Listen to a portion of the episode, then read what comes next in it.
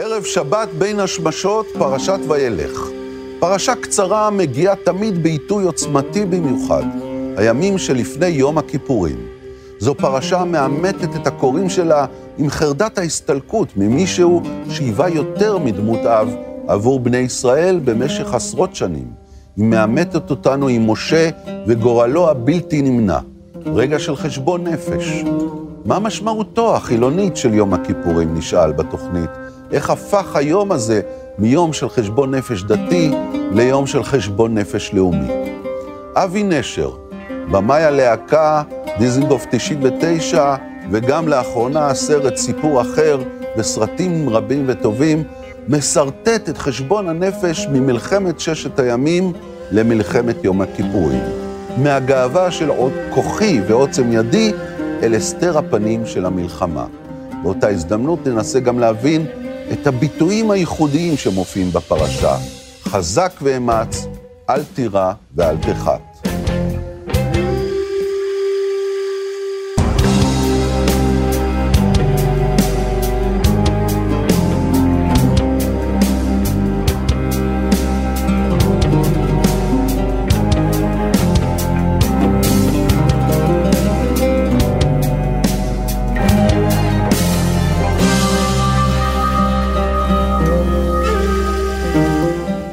שלום לך, אבי נשר.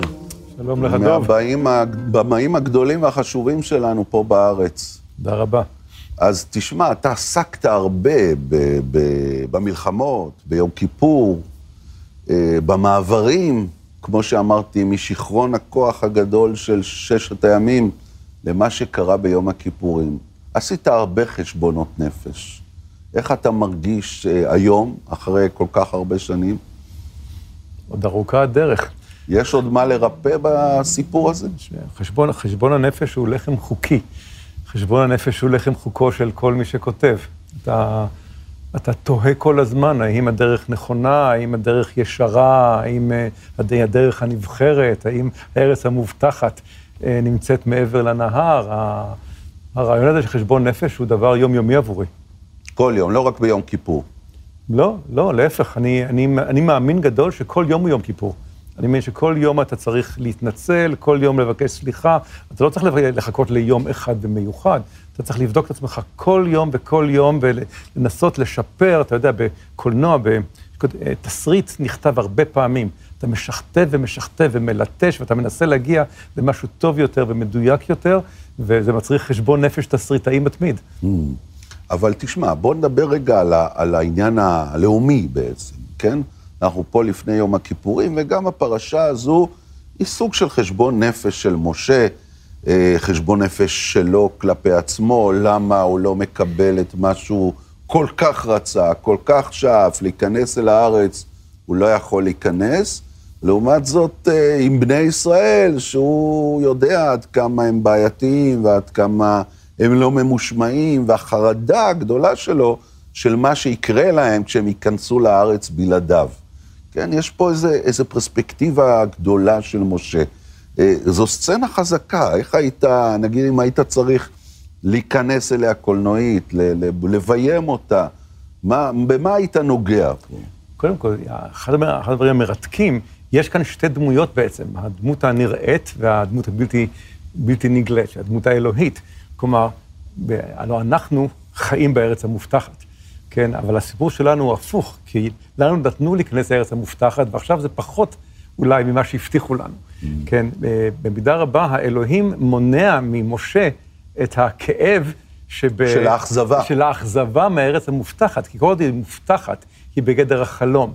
ברגע שאתה כבר חי בה, היא כבר חלק מהיום-יום. אז יש לך פה טענה פרשנית רצינית, אתה אומר...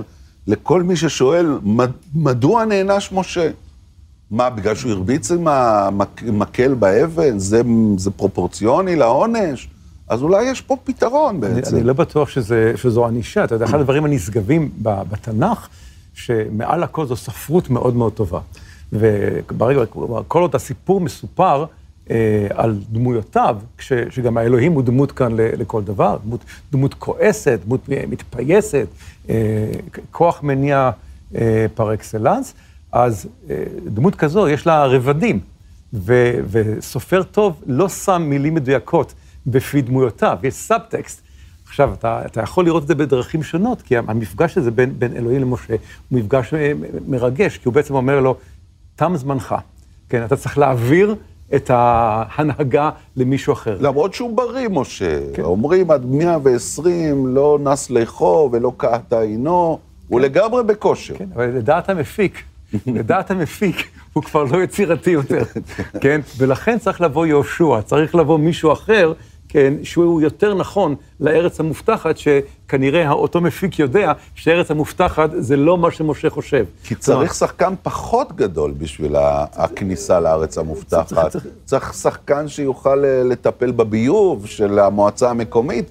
ואולי זה לא מתאים למשה שהוא מסתובב בשמיים. ושחקן שאולי יוכל גם להנמיך את הסטנדרט.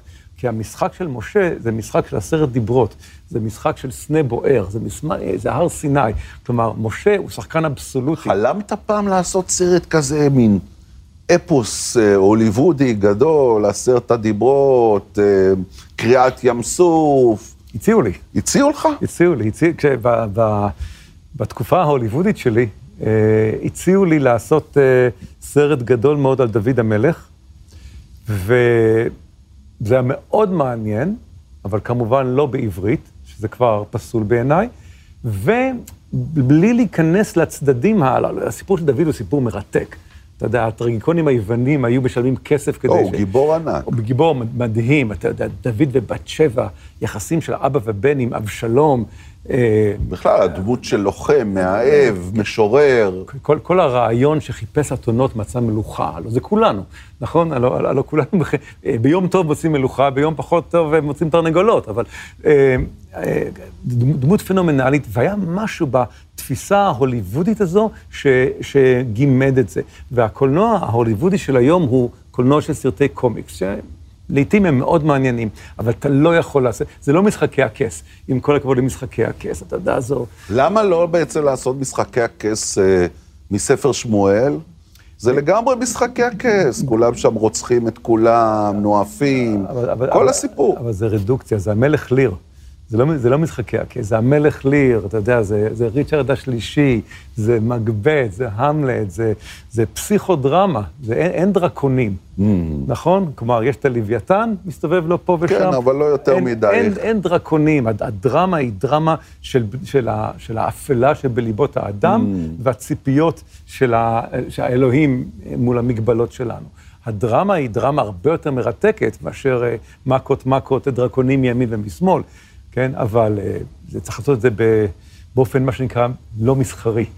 תשמע, אה, אה, אבי, אתה לכאורה הבמאי הכי ישראלי שיש. הזכרנו קודם את הסרטים הקלאסיים שלך, הראשונים, הלהקה ודיזינגוף 99, ועד היום עוסק הרבה בישראל, בשאלות שלה, בבעיות שלה, בקונפליקטים שלה. מאוד ישראלי, אבל אתה בעצם... ישראלי כמו הרבה ישראלים, שהוא בעצם בן של מהגרים, בן של ניצולים, בן של אנשים ש, שספגו הרבה חרדה ופחד מהסיפור שלהם, ופתאום כאילו צריך לשחק אותה. הישראלי, היפה, התמיר, הבטוח בעצמו. גם הלכת, התגייסת לסיירת מטכ"ל, היית עם העילית של החברה הישראלית. אה, אה, זה, זה מסע שעדיין אתה עובר היום, או שהמסע בין הגלות לבין הצבריות, בין הארץ לחוץ לארץ, איפה אתה נע בתוך הכתבים האלה היום? אני נמצא בעיצומו של המסע, והמסע מרתק אותי. אני מאוד מאוד הבן של ההורים שלי שהם לא מכאן. אה, אני מאוד מאוד עוסק בפוסט-טראומה בסרטים שלי, בבני המהגרים, בבני ניצולי השואה. מבני אותם אנשים מצפון אפריקה ומהודו שזרקו אותם למדבר. אה, אנחנו מדינה נורא נורא צעירה, אתה יודע, ויש לי אהבה עצומה למדינה הזו. באמת, זה מרתק אותי להיות ישראלי. אני אוהב את הישראליות, ואני מאוד מאמין בכוחו של קולנוע לייצר מיתולוגיה לאומית, כי הלוא הזהות האמריקאית היא פועל יוצא של המערבון האמריקאי. יש, משהו בקולנוע כן, באותם מאות אנשים... אז מה המיתולוגיה הישראלית שניסית להראות? המיתולוגיה הישראלית בסרטים שלי היא נעה בין הביחד של הלהקה לבין האינדיבידואליזם של דיזינגוף 99, וה, והמתח המתמיד הזה בין האני והאנחנו. זה בעצם מה? זה בעצם הפער בין מלחמת ששת הימים למלחמת יום הכיפורים? מלחמת ששת הימים זה ההבטחה, שיום כיפור זה ההתפכחות. כלומר, יש לנו, יש לנו תפיסה אידילית של החוויה הישראלית. יש לנו אה, הפלמ"ח, זה הפרוטוטיפ שגדלנו עליו, הפלמ"ח זה הביחד האולטימטיבי, אבל אנחנו אומת הייטק, אנחנו אומה של מתעשרונים. אני, לפעמים אני חושב על, על ישראל שיש לה אובססיה. עם, עם הכנסות ועם כסף, ואני חושב על ישראל שאני גדלתי בה, שאם קיבלת ג'ינס מאמריקה, התביישת לומר את זה. Uh, המתח הפנימי הוא כל כך גדול בין החזון הסוציאליסטי של המדינה הזו, ובין המציאות הקפיטליסטית הברוטלית של היום, ועדיין זה הכל ישראל.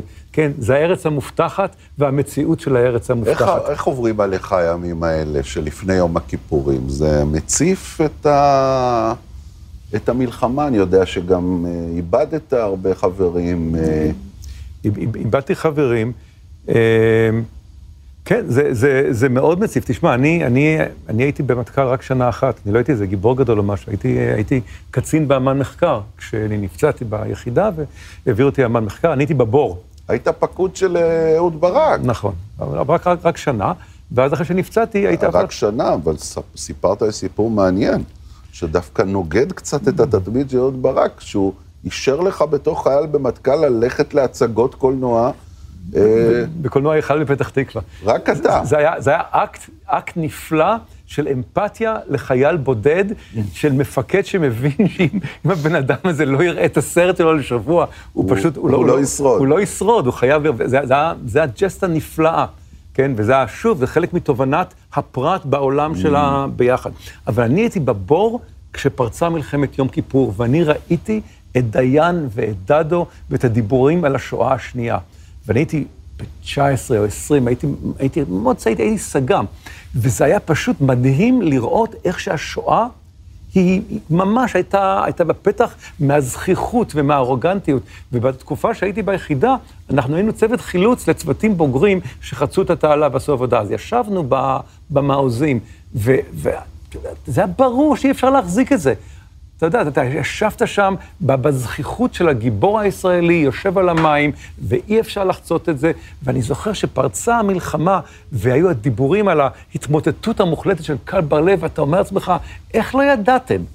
איך, מה זה הקונספציה הזו? מה זה הידיעה שהם... וכשאומרים שואה שנייה, זה מהדהד גם את השואה של ההורים שלך? שמע, אימא שלי, שהיא אדם מרשים ואינטליגנטי ועוצמתי, היא, היא גיבורת חיי, כי זו אישה שהולכת לישון כל לילה, וזוכרת שאת משפחתה העמידו מול, מול הבור באותו לילה. היא זוכרת את זה? זה חי אצלה? ברור. היא, ברור. היא מדברת על זה? שמע, אימא שלי לא דיברה איתי על זה לעולם. אף פעם. אימא שלי, מבחינתה, ההורים שלי היו אלה ש, שהביאו לדור הבא. לישראלים החסונים, המשרתים ביחידות הנכונות, שעשו את הסרטים הנכונים ובעצם ישנו את גורל העם היהודי. ולא דיברה ולא דיברה, עד שילדיי כתבו עבודת שורשים, וערב שישי אחד, בעודה מתקנת שניצלים, אימא שלי סיפרה להם את הסיפור. שמע, וזה היה רגע מטלטל ומדהים. אישה, אישה חזקה ומרשימה וחדה ומושחזת, ו, ובמידה רבה, אה, סרטים שלי כמו פעם הייתי, או החטאים, הם ההתנצלות שלי על כך שלא שאלתי. לא שאלת. לא שאלתי, בגלל שאני גדלתי באותו דור שלא רצה לדעת mm. על אלה שהלכו כצאן לטבח, שלא... אנחנו היינו ההמצאה החדשה. הזכוכים שחושבים שהכל בידיים שלהם. תשמע, בסוף העולם שמאלה הסרט נגמר, ויש שם אה, צילום של, שלי ושל אבא שלי. אני בן שש, ואבא שלי, ואבא שלי נראה אבוד לחלוטין, ואני לא מביט בו. הילד הקטן, בן חמש-שש, שיעשה את הלהקה, ואת דיזינגר, ואת העולם שמאלה, ואת פעם הייתי, כל הסרטים האלה, לא מביט באבא שלו, כי כבר, הוא כבר בעולם אחר. הוא רואה אחרת. הוא רואה אחרת, וזה זה, זה חטא נוראי. ואם יש דבר שאני צריך לכפר עליו, אני מכפר עליו קולנועית, זה שלא הסטתי מבט לכיוון אבא שלי, כי לא שאלתי אותו, לא על ילדותו, ולא על נעוריו, ולא על משפחתו, ואני הייתי כולי שקוע בחוויה הישראלית הייחודית שלי. טוב, זו נקודה טובה לעשות בהפסקה. תכף נחזור אליכם עם המשך השיחה הזאת.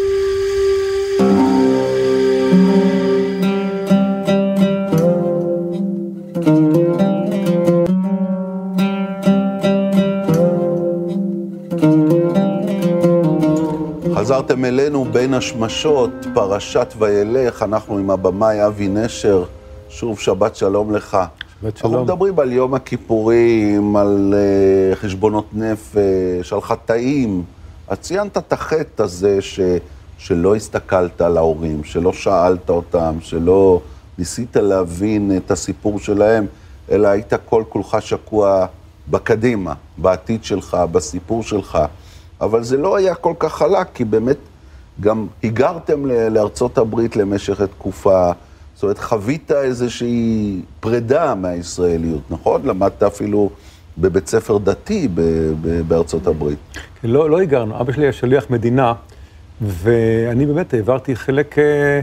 אה, חלק מנעוריי בניו יורק, בבית ספר, אה, בישיבה תיכונית. ממש למעשה. התפלפלת בגמרא? אני, אני התפלפלתי בתור נער רמת גני, סוציאליסטי, חולצה כחולה ואי עולה, שלא היה לו שום דבר עם דת, אה, להפך, אה, דת זה האופיום של ההמונים וכן הלאה, אבל המורים היו נפלאים, היו רבנים.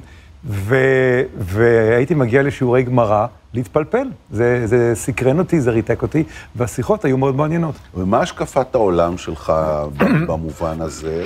למשל, יום כיפור, עכשיו, מה, מה אתה עושה? איך אתה מתנהג ביום כיפור? תשמע, בסרט האחרון שלי, סיפור אחר, משחק בחור בשם נתן גושן, שהוא חוזר בתשובה. והוא אה, אדם... מוזיקאי, זמר. מוזיקאי, מכונן בצורה בלתי רגילה, והוא אה, אדם דתי. אדם דתי.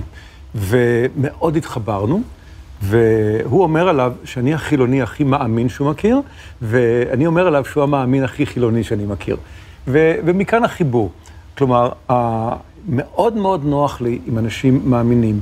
כן, אם תחשוב על סרט... אה, אתה יודע למה? כי אתה סוציאליסט, אתה אידיאולוג, והם גם היו אנשים דתיים בעומק שלהם. סוציאליזם זה דת, וקולנוע זה דת. Mm. כן, אני, אני, אני עובד.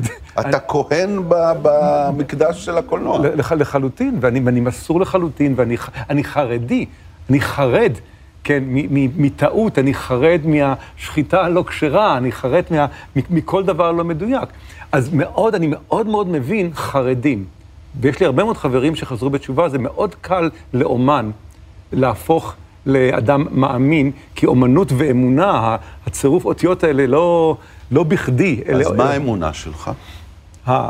שוב, האמונה שלי היא מרחב מאוד מאוד פרטי, שבו אני לא כל יכול, אבל האמונה שלי היא מוסר כדרך חיים. כלומר, אה, אני לא מפחד מעונש, אני מפחד אה, מאובדן דרך.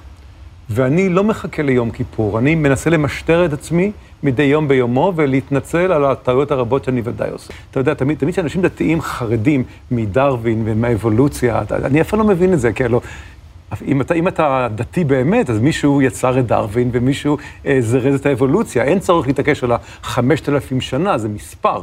כן. כן, אין צורך דווקא להיאבק על זה. אתה יכול להאמין, כן, שיש בורא עולם, אתה יכול להאמין שיש כוחות מעלינו, אתה לא צריך דווקא להתעקש דווקא על המניין שנים המדויק הזה. אז אני, אה, אני מנהל את חיי לפי עשרת דיברות, אה, שוריאציה להם קיימת גם... גם בתורה, אבל גם אם אתה לא יודע דבר בכלל על התורה, אתה עדיין צריך לכבד את אביך ואת אמך. כן, עדיין לא תרצח, עדיין לא, אתה יודע, כל, כל הדברים מה האלה... מה עם זכור את יום השבת לקדשו? יש לזה, יש אה, לזה ערך אצלך? בעיניי זו אמירה סוציאליסטית אה, לעילה ולעילה. בעיניי זו אמירה ש, שלא נועדה לעשירים. זו אמירה שנועדה לתת לאדם העובד חופש. חופש ו... עכשיו, אתה יכול לפרש את זה במובן הסוציאליסטי, שאני מפרש את זה, או במובן הריטואלי, שאדם דתי מפרש את זה, אבל זה לא משנה. אני, אני מכבד את האמירה הזו, כבוד גדול, כן? אני, אני לא מאמין באלוהים שיש לו כזה שעון על היד. אני לא מאמין באלוהים שהוא המורה חסיה, עם הסרגל ואומרת, אל תדליקו אור, וזה, לא, זה, זה, אתה יודע, אלה, אלה, אלה נהלים יותר uh, משמעתיים. של האמונה. אני, אני מאמין באמונה של יום שבת לקודשו, לקודשו תנוח מדי פעם, mm. תאפשר לעובדים לנוח מדי פעם, תעצור ותתבונן, mm. תרד מהריצה המטורפת הזו אחרי הצלחה ואחרי הישגים ואחרי כסף ואחרי פרסים. כלומר, אני, אני מאוד מאמין בפן הפילוסופי של הראיית עולם, אני פחות מתחבר לצד הענישה. אתה יודע, אבל יש רגעים בחיים, ואתם אה, עברתם רגע מאוד מאוד קשה בחיים. לאחרונה, כשהבן שלכם אה, אה, נהרג בתאונת דרכים, שעוצרים הכל, וכן, חשבון נפש, אולי עשיתי משהו לא טוב, אולי טעיתי, אולי אני לא מספיק בסדר. זה עבר עליך? לא. זה, זה, זה לא עבר עליי, כי אני... אני לא מאמין בישות שמענישה בנים על חטאי הוריהם. אני כמובן בדקתי שהאם הייתי יכול למנוע את מה שקרה באותו לילה. זו הייתה בדיקה מאוד מהירה, כי לא יכולתי למנוע. אתה מתעמת עם הכאב, עם האובדן, עם, ה... עם החסר. אתה לא מתעמת עם אשמה. אתה לא מניח שהאמונה שלך משולבת איכשהו ב... בהאנשה, אתה לא... זה לא, אלה לא, אני, אני לא, אני לא מכיר במושגים האלה, אני, אני לא מכיר במשחק הזה שתהיה טוב כי אחרת תיענש. Mm. אני מכיר במושג תהיה טוב כי חשוב לי יהיה טוב. כי זה החיים שלך. כי החיים שלך והחיים שלנו. שוב, אני חוזר לאני ואנחנו. אני חייב להיות טוב כדי שאנחנו נהיה טובים, כדי שאנחנו נחיה בחברה מתוקנת ונהיה טובים אחד לשני, לא כי אנחנו מפחדים. כן? אני... הזכרת לי קודם משפט שאימא שלך אומרת, אין זמן להיות עצוב. נכון. תסביר לי את המשפט יש, הזה. יש שיר כזה בדיסנגוף 99 אפילו. אמ, אימא שלי, נצורת השואה, שבאמת אין, אין שום דבר בחיי או בחייך, או בחיי מישהו מבני, מבני דורנו, ש, שדומה לזה אפילו. כן, אני תמיד סירבתי לביים סרטים שמתרחשים בשואה, כי האימה היא בלתי ניתנת. כלומר, שפילברג עשה עבודה מאוד יפה ברשימת שינלר, ופולנסקי הפסנתרן, אבל אלוהים אדירים, איך לדמיין את זה בכלל. אמ, אז לאימא שלי יש את, את קידוש היום-יום. כל יום הוא חשוב, כל יום הוא מתנה. אמ, כש, כשקרה מה שקרה, אימא שלי הייתה סלע. היא הייתה החוזק שלכם. היא הייתה סלע. היא הייתה סלע. אה, היא גם ידעה שהאסון הנוראי שקרה לה שנים לפני זה לא יהיה האסון האחרון בחייה. מה זאת אומרת, היא הרגישה שעומד לקרות משהו נוסף לא, בחייה? לא, היא, לא, היא לא הרגישה, אבל בן אדם שחווה מה שהיא חוותה, יודע ש, שהחיים הם כנראה כאלה, שגם זה קורה. Mm. כלומר, והיא כמובן... אז היא חיסנה את עצמה מראש. אני מניח שהיא חיסנה את עצמה מראש, אני, אני, אני מניח שהיא עשתה כל מאמץ למנוע שזה יקרה. ועדיין חייתה בחרדה, כל, כל מטוס שמתרומם, כל נסיעה בים, כל, כל uh, לילה ארוך. אתה יודע, כשאני הייתי בצבא, אלה היו ארבע שנים מאוד ארוכות. ידע שאתה בסיירת מטכ"ל, או ש... Uh, לקראת הסוף, ארל יריב סיפר לאבא שלי, למזלם, שוב, הייתי שם רק שנה, אבל כן, זו הייתה תקופה מאוד קשה עבורה.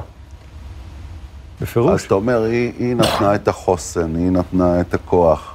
היא נתנה את, ה, את, ה, את, ה, את החוסן החילוני של אה, היא אדם טוב, והיא ניסתה לגדל ילדים טובים, והיא לא חושבת שצריך להעניש אותה, אבל היא יודעת שאנחנו חיים בעולם שבו דברים קורים, ואתה לא צריך להתווכח עם זה. אתה לא צריך להיכנס לוויכוח למה אלוהים הסתיר פניו, אגב. הנה, זו הפרשה. אגב, כן. כן. ואנוכי אסתר אסתיר פניי ביום ההוא. הרבה מעט אנשים קראו את זה בהקשר לשואה, את הפסוק. אז יש את הקושייה התיאולוגית הידועה כמובן, איפה היה אלוהים בשואה, כן? מדוע הוא הרשה זאת? ואז יש את, ה, את התיאודיציה, כן? את צידוק, את צידוק האלוהים. כן, עכשיו, אני לא חושב שצריך להצדיק את האלוהים. כן, אני חושב שדברים קורים, אני חושב שתהליכים קורים. כן, ה, נכון, ה, ה, יש, האנשים מתנהלים כמו שאנשים מתנהלים. אבל זה שרירותי, זה מקרי, זה, זה גורל, לא שרירותי ומק... מה זה? זה? זה לא שרירותי וזה לא מקרי, זה פועל יוצא של טבע אנוש. כן, אנחנו, אם אתה מסתכל, מישהו אמר ששנה שעברה הייתה השנה עם הכי פחות מלחמות, כן, בהיסטוריה האנושית. כלומר, יש אבולוציה מתמדת, יש התפתחות, יש יותר דמוקרטיות בעולם, אנחנו, אנחנו הולכים ומשתכללים כמי אנושי, אנחנו אה, מכורים לתקשורת, ותקשורת בנויה על דרמה, ודרמה מקצינה את הרע, אבל המצב האנושי בכללותו, הרפואה טובה יותר. כן, התזונה טובה אז, יותר. אז מבחינתך העולם הולך למקום טוב יותר. לא בהכרח, אנחנו גם הולכים ומחריבים את, ה, את כדור הלכת, אתה יודע, זה, זה, זה משחק מתמיד. אנחנו בני אנוש, אנחנו מאוד פגומים, אנחנו משתדלים, אנחנו משתפרים, אנחנו נסוגים, המשחק קיים ואנחנו גם נעשה, אני, אני חוזר לבור. לאותו בור, לאותו משה דיין, לאותו דדו שתפסו ראשם, ואיזה טעות שעשו בגלל הזכיחות.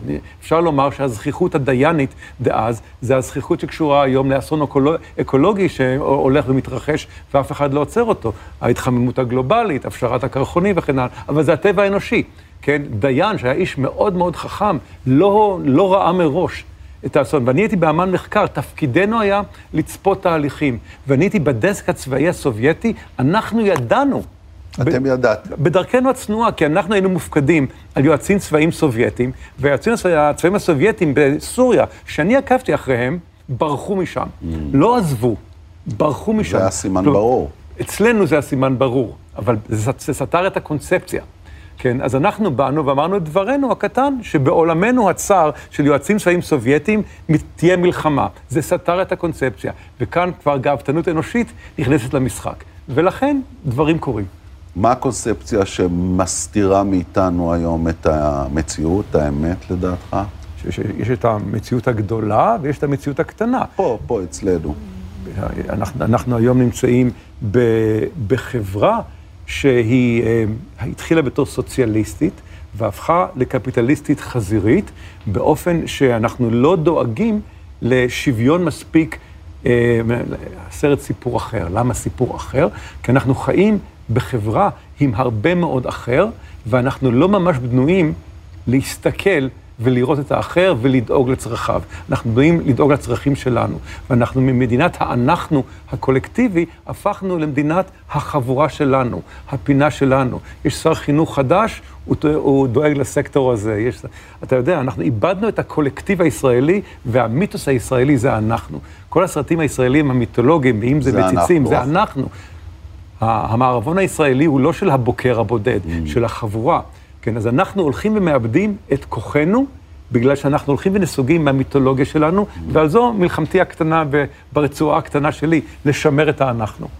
על חטא שחטאנו בשכחת האנחנו. גם זאת. גם תודה זאת. רבה לך, שבת שלום אבי נשר. עונג גדול, תודה, תודה רבה. תודה רבה, שנה טובה גם לכם, גמר חתימה טובה. בשבוע הבא נהיה כאן עם תוכנית אחרונה לעונת הפרשות הזו. רגע לפני שנתחיל מבראשית, נקרא את פרשת האזינו עם המוזיקאי דניאל זמיר. שבת שלום, שנה טובה, גמר חתימה טובה. thank you